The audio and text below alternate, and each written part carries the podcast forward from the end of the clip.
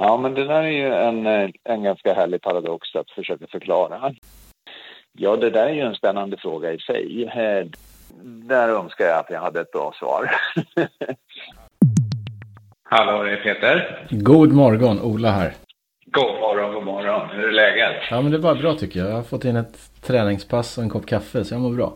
Underbart. Jag har hunnit träningspasset, men inte kaffekoppen. Men Nej. den är på gång. Ja, ja men bra. Jag tänkte vi, vi kör igång och sen så får vi redigera ihop det så vi låter så kloka som möjligt. det kan ju bli en utmaning. Ja, eller hur? Ja, men eh, det löser vi nog. Ja, men då kör vi. Ja, det låter bra. Ja, perfekt. Hej, Ola Strömberg heter jag och ni är välkomna till podcasten Snabbbanan som idag har en gäst som inte har någon jättekoppling till den vi normalt har i den här podden, det vill säga simning, triathlon, swimrun och liknande. Vem är det vi har på andra sidan Skype-linan? Ja, jag heter Peter Mattsson och eh, jobbar på Sveriges riksidrottsförbund och har väl betydligt mera bakgrund inom andra, andra idrotter än de som du räknar upp. Just det, men är ändå väldigt relevant för att vi håller på med sport och idrott. Men om man kör en elevator pitch på din, din idrotts-CV, vad skulle du vilja lyfta fram då för att göra dig än mer intressant att lyssna på? Oj, oj, oj. Ja, alltså lite, lite eget idrottande eh, som framförallt handlade om ishockey på vintrar och golf på somrarna och sen eh, arbete eh, i golf. Eh, förbundskapten i golf för eh, svenska landslag i ganska många år, det blev nog tio år. Sen eh, sex år i England på motsvarande roll för de engelska golflandslagen och sen tillbaka till Sverige och till Riksidrottsförbundet för att ansvara för elitidrottsfrågor där sedan ja, ganska många år vid det här laget. Elitidrottsfrågorna inom Riksidrottsförbundet, vad är, varför finns den delen och vad är mål och syfte med det jämfört med hur förbunden sköter elitidrott? Två delar kan man väl säga är Riksidrottsförbundets uppgift. Den ena är att fördela då statens stöd till idrotten och där finns det ju en, eh, en någorlunda stor kaka som eh, ska gå då till elitidrott. Och den andra delen är att Riksidrottsförbundet gör stödinsatser inom sådana där områden som kanske inte varje enskilt specialidrottsförbund eh, antingen eh, har eh, kompetens inom eller har anledning att bygga kompetens inom utan där det snarare kan vara smartare att vi delar på saker och ting. Mm. Just det. Om vi hoppar in lite på elitdelen. Ibland så läser man och hör man att det blir svårare och svårare med konkurrensen gentemot internationella konkurrenter för svensk del vi halkar efter och så ser man och läser om att OS borta i Kina så slår vi medaljrekord. Hur hänger det där, allt det där ihop?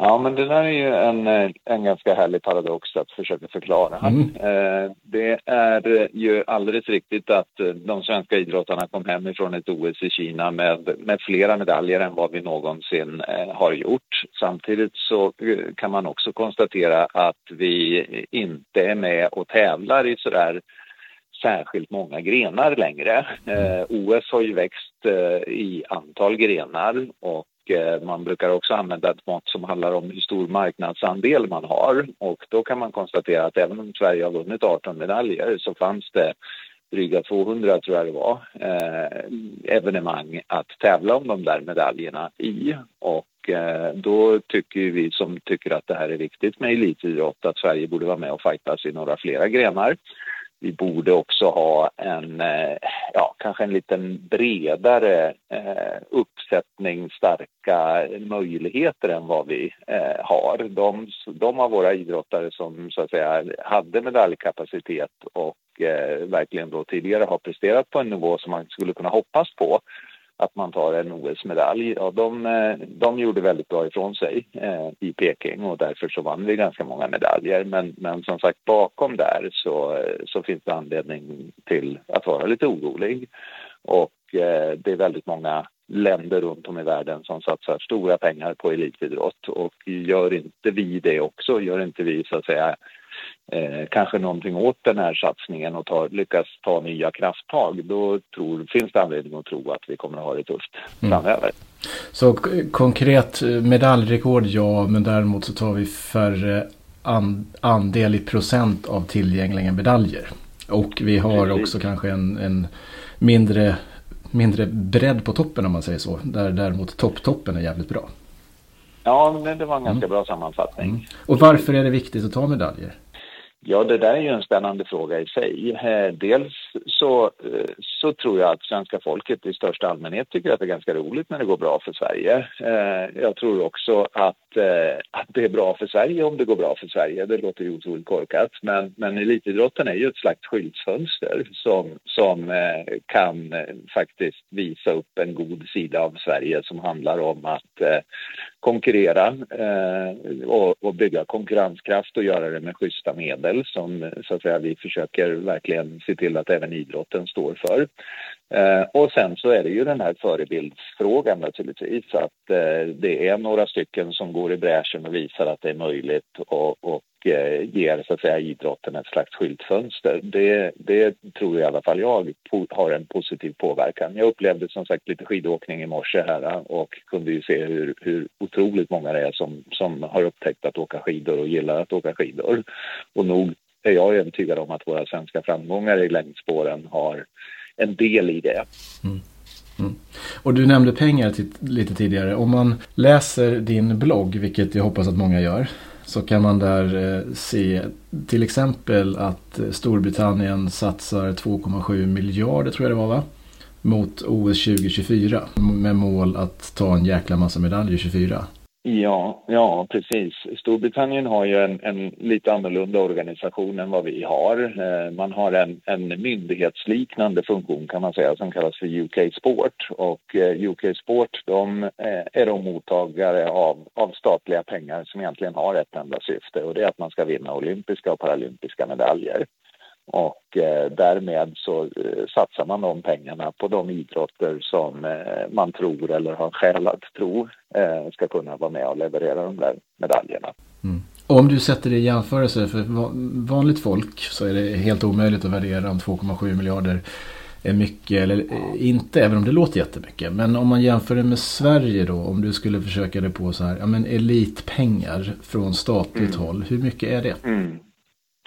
Ja, om man tänker sig från, från statligt håll rakt av, då, då handlar det om någonstans kanske 150 miljoner om året, svenska kronor. Eh, lägger man till då sen kommersiella pengar till det som, som ju framförallt SOK och i viss mån även den paralympiska delen lyckas få ihop, då kanske man kan få ihop ytterligare 100 miljoner. Så att säga att vi, vi har 250 miljoner om året ungefär i det man i såna här jämförelsesammanhang brukar kalla för, för nationellt koordinerade resurser eller koordinerade pengar. Och det, det, innebär ju då att det finns liksom någon slags sån där koordinerande funktion som ska kunna fördela ut de där pengarna. Eh, sen, sen, så är det ju så, och, och, där skiljer ju inte Sverige sig mot andra länder, att respektive specialidrottsförbund och, och nivåerna under är ju olika bra på att generera resurser också. Eh, några av våra specialidrottsförbund har ju långt större kommersiella pengar än vad man har statliga pengar. Om man då jämför det här, 250 per år så ja, det blir då mot 24, kanske 750 eller beroende på när man börjar räkna. Det är i alla fall under, under en miljard jämfört med 2,7 miljarder för eh, mm. Storbritannien. Hur ska vi kunna konkurrera? Vad är vi, vad är vi bättre på? Ja, det där är ju en jättespännande fråga och det är nog supersvårt att ge ett, ett glasklart eh, svar på det. Men, men det är nog, eh, bland annat då av förklarliga skäl, så har vi nog tvingats bli väldigt mycket bättre på att använda våra resurser på klokt sätt. Det, det, man, man brukar ju ibland eh, göra såna här jämförelser som handlar om hur mycket kostar egentligen medaljen eller medaljerna. Och, och, när jag pratar emellanåt så brukar jag skoja och säga att det är den grenen vi alltid vinner, eh, vi från Sverige, eller kanske i viss mån till och med vi nordiska länder. Ja. Och, eh, och då tror jag ju att det finns ju någonting i liksom den nordiska idrottsmodellen och kanske specifikt då också den svenska idrottsmodellen som, som skapar just det här. Vi, vi, vi är ju väldigt bra på att använda ideella resurser. Vi är väldigt bra på att använda resurser ifrån många så att säga, olika aktörer längs vägen. Ja, när man pratar eh, pengar och elitidrott då, då måste man också komma ihåg att våra kommuner eh, lägger stora resurser in i liksom, anläggningar som, som elitidrottare precis som, som så att säga, andra idrottare har möjligheten att använda. Ja, och allt det där sammantaget det det gör att vi, vi har en ganska effektiv resursutnyttjande tror jag i, i, i vårt land. Eh, sen, sen, så kan man ju vända på det och säga att några som vi liksom verkligen utnyttjar till max, det är ju de aktiva själva.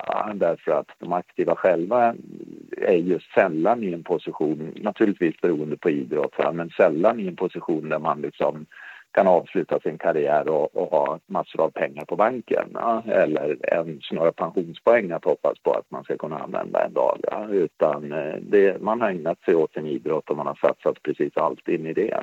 Mm. Och just för att Sverige för ska kunna få fler medaljer eftersom det är viktigt eh, i alla fall enligt dig och enligt mig och enligt säkert många, både nationalekonomiskt, vi mår bättre, både socialt och kanske håller på att idrotta lite mer. Pengarna eh, behövs fastän vi är bättre på att utnyttja dem. Hur ska vi få mer pengar in här? Är det staten vi ska förlita oss på eller näringslivet eller är det någon, någon tredje part som kommer ner med manna från himlen? Ja, det hade man ju önskat. Mm. Men, men, eh, jag tror att den krassa verkligheten den är ju att det är de första två som vi, vi eh, behöver hitta ja, kanske olika vägar att intressera ännu mera eh, för elitidrotten. Och, och, eh, och jag tror att man behöver trycka på att det handlar om ännu mera. För att det är ju helt såklart så att stat, staten stoppar ju in gott om resurser i idrott så som det ser ut idag och näringslivet kan man ju säga samlat gör ju naturligtvis detsamma på väldigt eh, olika nivåer. Så. Men eh, i och med RF-stämman och även SOKs och paralympiska årsmötet här senast 2021 eh, så eh, beslutades ju att skapa ett nytt projekt, projekt som kallas för Elitidrott 2030 som jag då har fått chansen att, eh, att leda. Och tanken med det projektet det är ju att eh, dels så att säga, få de här tre organisationerna att komma samman och, och tala om ett gemensamt behov. Eh, och sen att också ännu bättre än vad vi har gjort tidigare försöka lyfta de här idealen som elitidrotten kan stå för och de värden som elitidrotten kan tillföra. Både för så att säga, Sverige som land och för, för, för stora svenska företag som är intresserade av så att säga, vad omvärlden tycker om Sverige. Eh, och, och, då är ju vårt budskap helt enkelt att vill vi kunna använda idrotten, elitidrotten, eh, som ett verktyg i det, då behöver vi gemensamt hitta lite större resurser för att stoppa in i det. Och, och, och då kan man ju säga att frågan är, är ni intresserade av att vara med, eh, kära staten och kära näringslivet? Så att eh, det, det är egentligen mitt uppdrag att se om vi ska kunna göra någonting mer av det. Mm. Och finns det något motsatsförhållande mellan den kanske, jag vet inte om trend är rätt ord, men, fokus med rätta på hållbarhet både socialt och ekologiskt och liknande koppling till elitidrott och medaljer. Förstår man eh, skild, att det inte behöver vara ett motsatsförhållande? Det är egentligen det jag menar. Eller kan det finnas en ja. utmaning i det för dig? Alltså, jag, jag tror att vi kan klara det där ganska bra, framförallt i vår svenska modell. Och jag tror att också vi kan visa att vi egentligen har en ganska ohållbar elitidrottsmodell så som det ser ut just nu.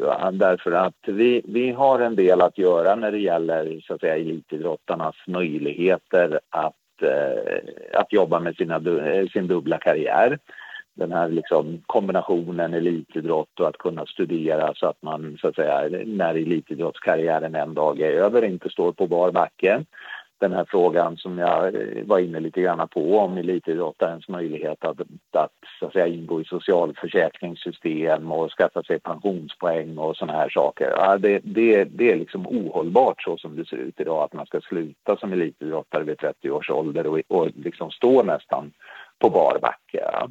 Eh, och, och det där tror jag är hållbarhetsfrågor som, som vi behöver lyfta fram lite tydligare och Eh, och som eh, vi behöver så att säga, få, få förståelse för att, att eh, inte elitidrotten eller idrotten klarar att lösa riktigt på egen hand. Ja. Sen är det ju naturligtvis så att det, det finns svårare eh, hållbarhetsfrågor för idrotten att hantera och, och, eh, och, det handlar ju om naturligtvis våra stora evenemang och var de förläggs någonstans och, och hur vi reser och hur vi påverkar så att säga, miljön runt om oss och, och så vidare. Och det där måste vi jobba med parallellt också. Det, det, alternativet finns liksom inte. Mm. Mm. Om vi ponerar då att eh, Elitidrott 2030 Planerna och tidslinjerna för att få in extra cash, de rullar på, lyckas få in mycket pengar, engagemanget finns. Då kommer man till själva träningen och tävlingen. Är vi eh, beredda i Sverige att offra lika mycket som man är i kanske lite eh, länder där det är mer ett politiskt instrument att nå framgång och där man har ett system mm. där man blir utvald och man kanske inte väljer själv om du förstår vad jag menar. Mm. Eh, lyckas, kommer vi att lyckas?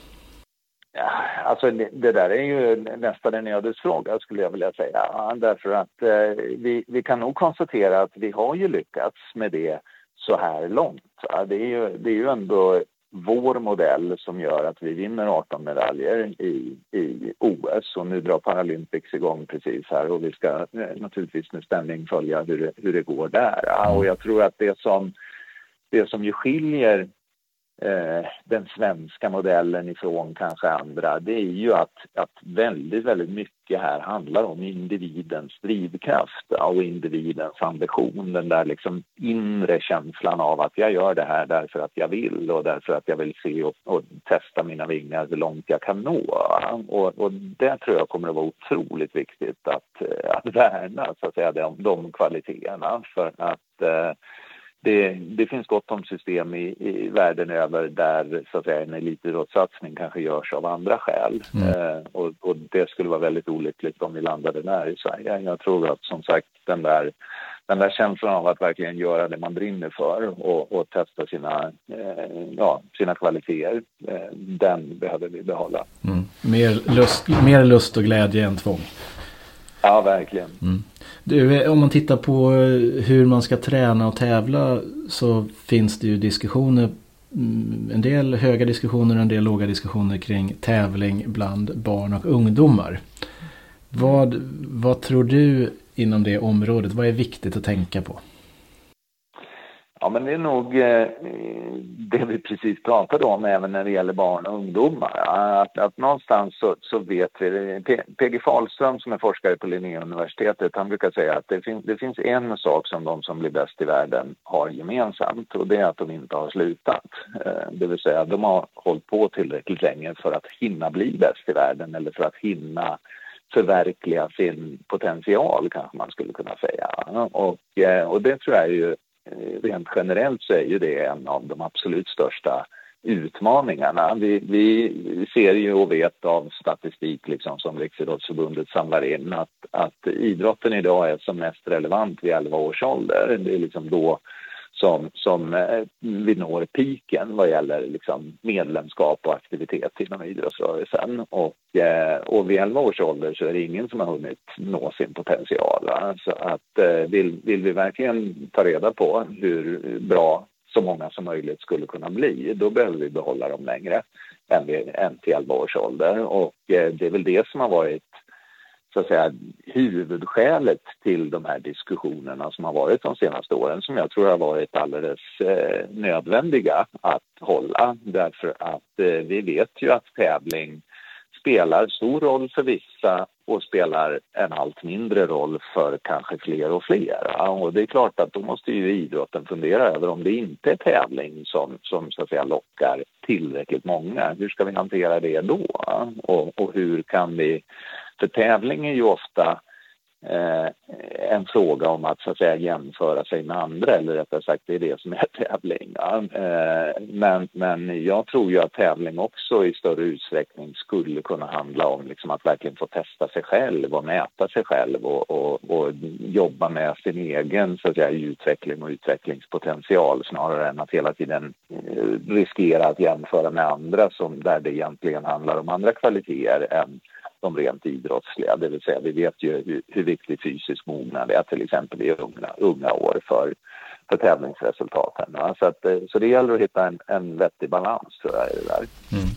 Den här svenska modellen vad gäller föreningsverksamhet och hur man bedriver idrott.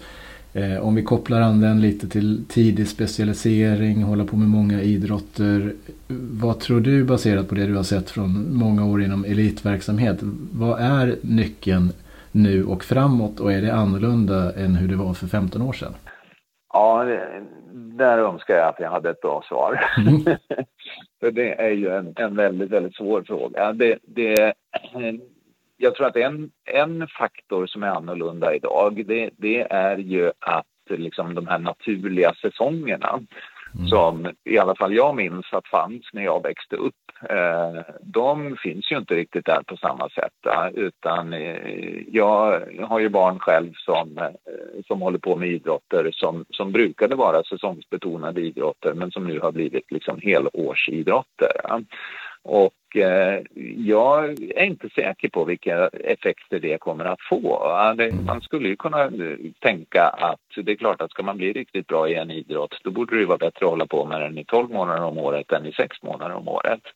Å andra sidan så håller man på med någonting i 12 månader om året så kanske riskerna ökar att man tröttnar på det än om man bara har hållit på med det halva året och gjort någonting annat den andra halvan. Mm. Och, eh, och sen hela den här liksom skadeproblematiken och risken att bli eh, för ensidig i sitt idrottande och därmed inte utveckla andra kvaliteter. Den, mm. den är ju också väldigt, väldigt svår att eh, förutsäga vad den kommer att ta vägen. Ja, rent, rent generellt så brukar man ju säga att eh, det, det, det, finns liksom stora fördelar att träna allsidigt och, mm. och, att gärna hålla på med flera idrotter.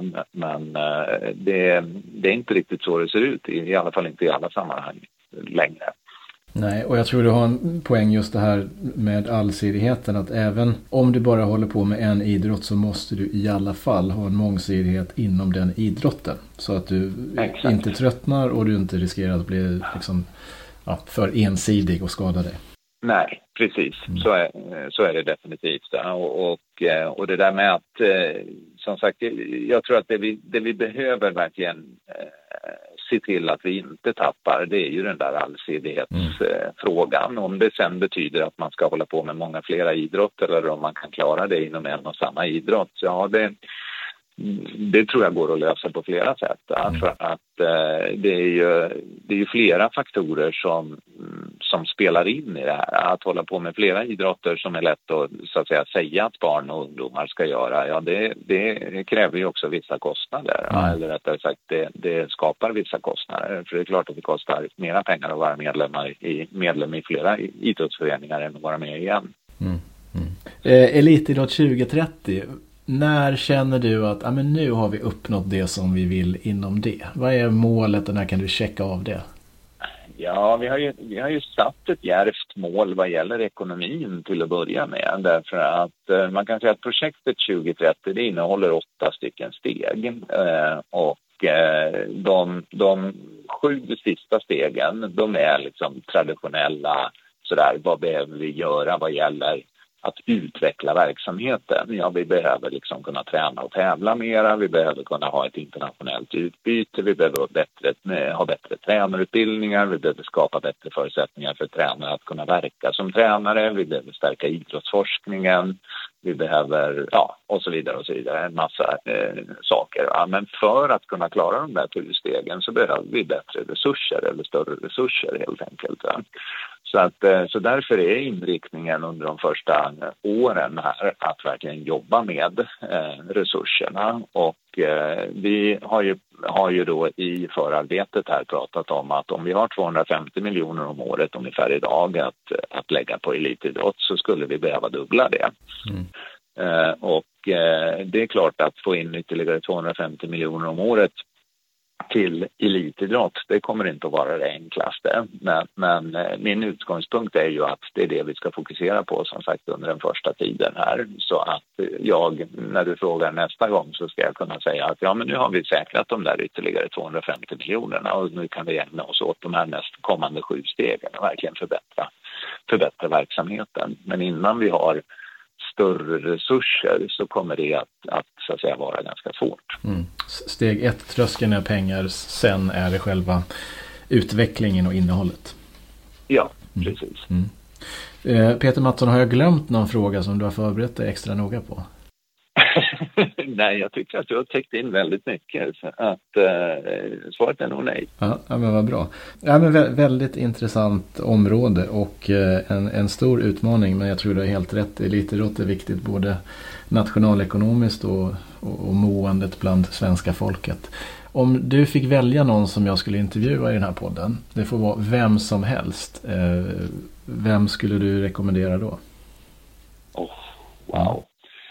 Eh, ja, men då skulle, då skulle jag faktiskt tänka att om du kunde få tag i någon av dem som låg bakom när Storbritannien drog igång liksom sin massiva satsning på elitidrott. Då hade det varit väldigt spännande. Det var ju John Major som var premiärminister i Storbritannien då när, när eh, man bestämde sig för att nu, nu har vi gjort dåligt ifrån, sig, eh, ifrån oss lite för länge i olympiska och paralympiska sammanhang så att nu ska vi göra en satsning. Men, men eh, jag tror ju att det fanns andra som, som så att säga jobbade bakom kulisserna och såg till att John Major fattade det där beslutet om en rejäl satsning.